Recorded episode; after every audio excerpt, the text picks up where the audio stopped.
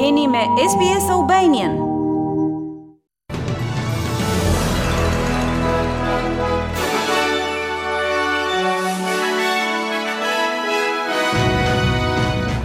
Në buletinin e sotëm informativ do të ndiqni. Organizata e Kombeve të Bashkuara paralajmëron se koha për veprim për të mbrojtur oqeanet e botës është tani.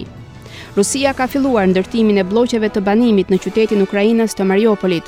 Dhe në tenis, Venus Williams shënon një rikthim triumfues në Wimbledon. Dhe vazhdojmë më gjerësisht me lajmet.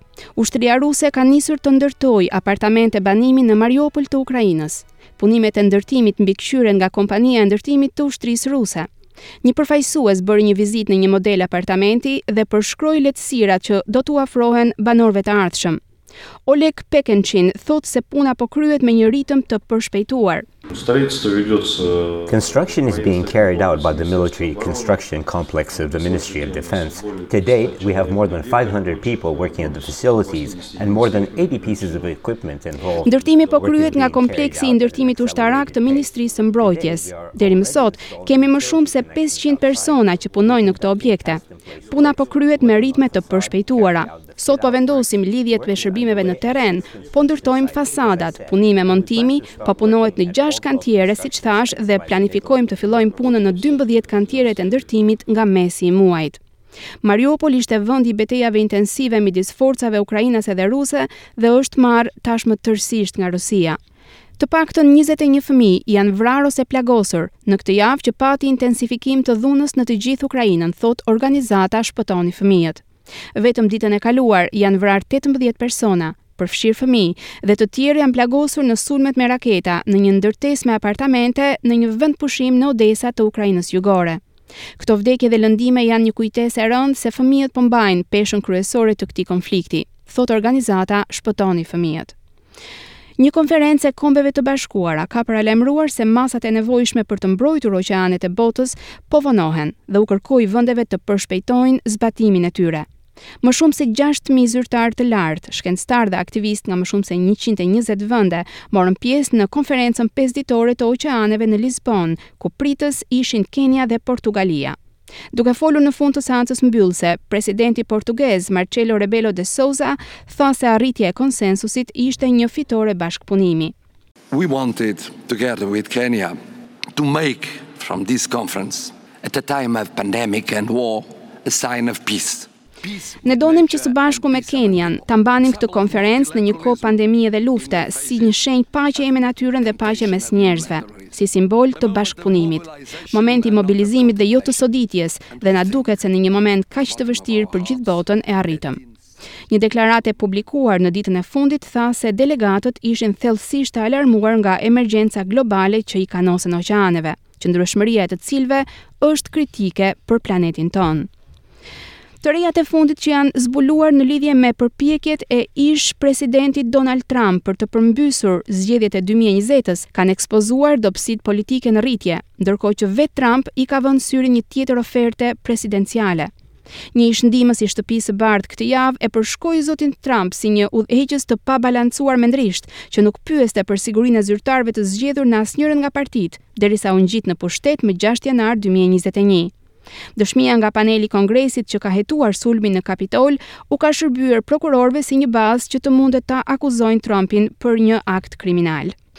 Ndërkohë në Libi, po zhvillohen demonstrata në Tripoli dhe Bengazi dhe disa qytete të tjera për të protestuar kundër ndërprerjeve të vazhdueshme të energjisë dhe përkeqësimit të kushteve të jetesës për shkak të dështimit të qeverisë. Demonstruesit kanë sulmuar ndërtesën e parlamentit libian në Tobruk, duke rrëzuar portën e ndërtesës me buldozer, si dhe u vunë flakën makinave të anëtarëve të parlamentit. Ndërtesa ishte bosh kur protestuesit hynë në të. Në Tripoli, qindra u mblodhën për të kërkuar energji elektrike dhe denoncuan të dyja qeveritë rivale në protestat më të mëdha në të paktën dy vjet. Një protestues, Milaid Belaid, thotë se njerëzit në rrugët e vendit të tij duan zgjedhje. We the youth came out today to demand the end of the transitional period. We want elections. This is the right Ne të rinjtë dolëm sot për të kërkuar përfundimin e periudhës tranzitore. Duam zgjedhje.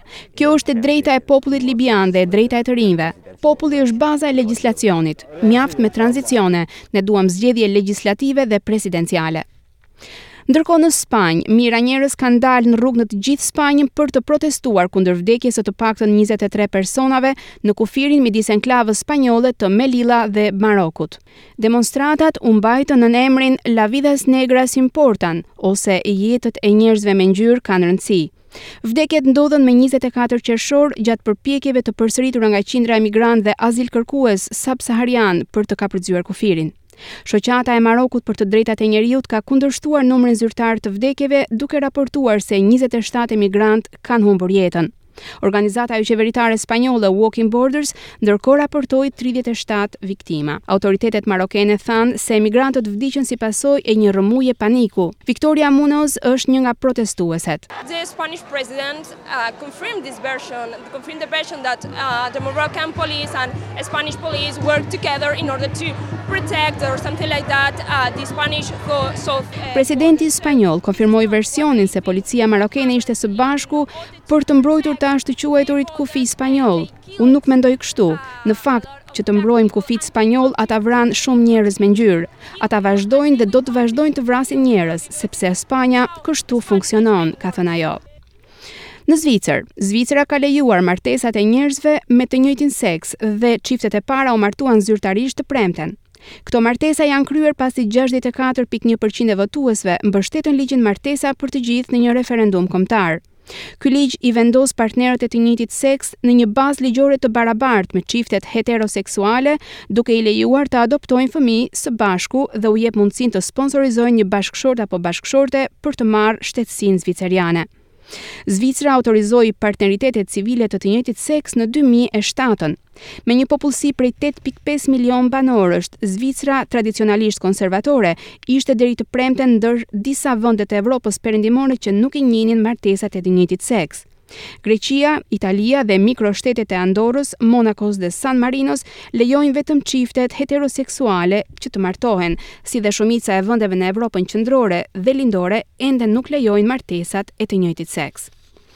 Ndërkohë në Afganistan, udhëheqësi suprem i talebanëve të premten u lut për viktimat e tërmetit në Afganistan gjatë një fjalimi para klerikëve islamikë në Kabul.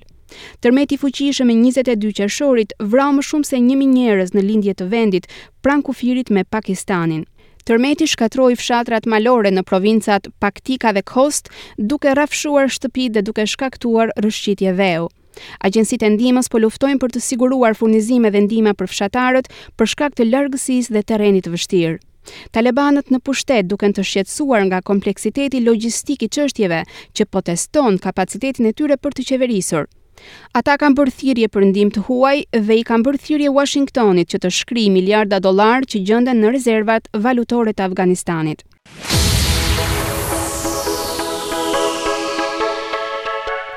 Dhe në sport, Venus Williams po shënon një rikthim triumfues në Wimbledon, duke fituar në lojërat dyshe përkrah Jamie Murray.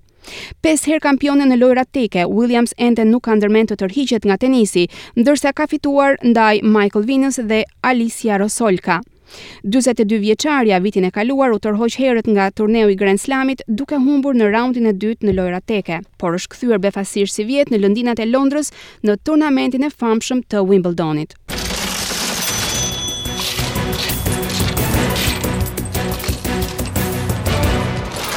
Do të kalojmë tani në kursin e këmbimit të valutës australiane. Një dollar australian sot këmbehet me 77.71 lekë shqiptare, 0.65 euro, 0.68 dollarë amerikanë dhe me 40.17 denarë të Maqedonisë së Veriut.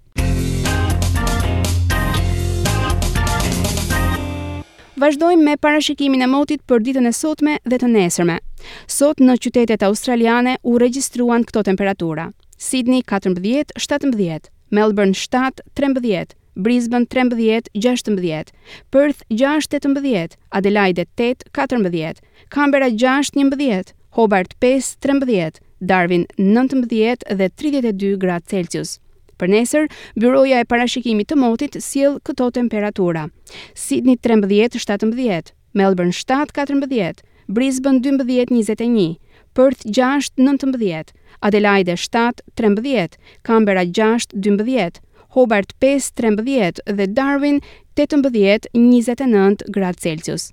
Dëgjuat edicionin informativ.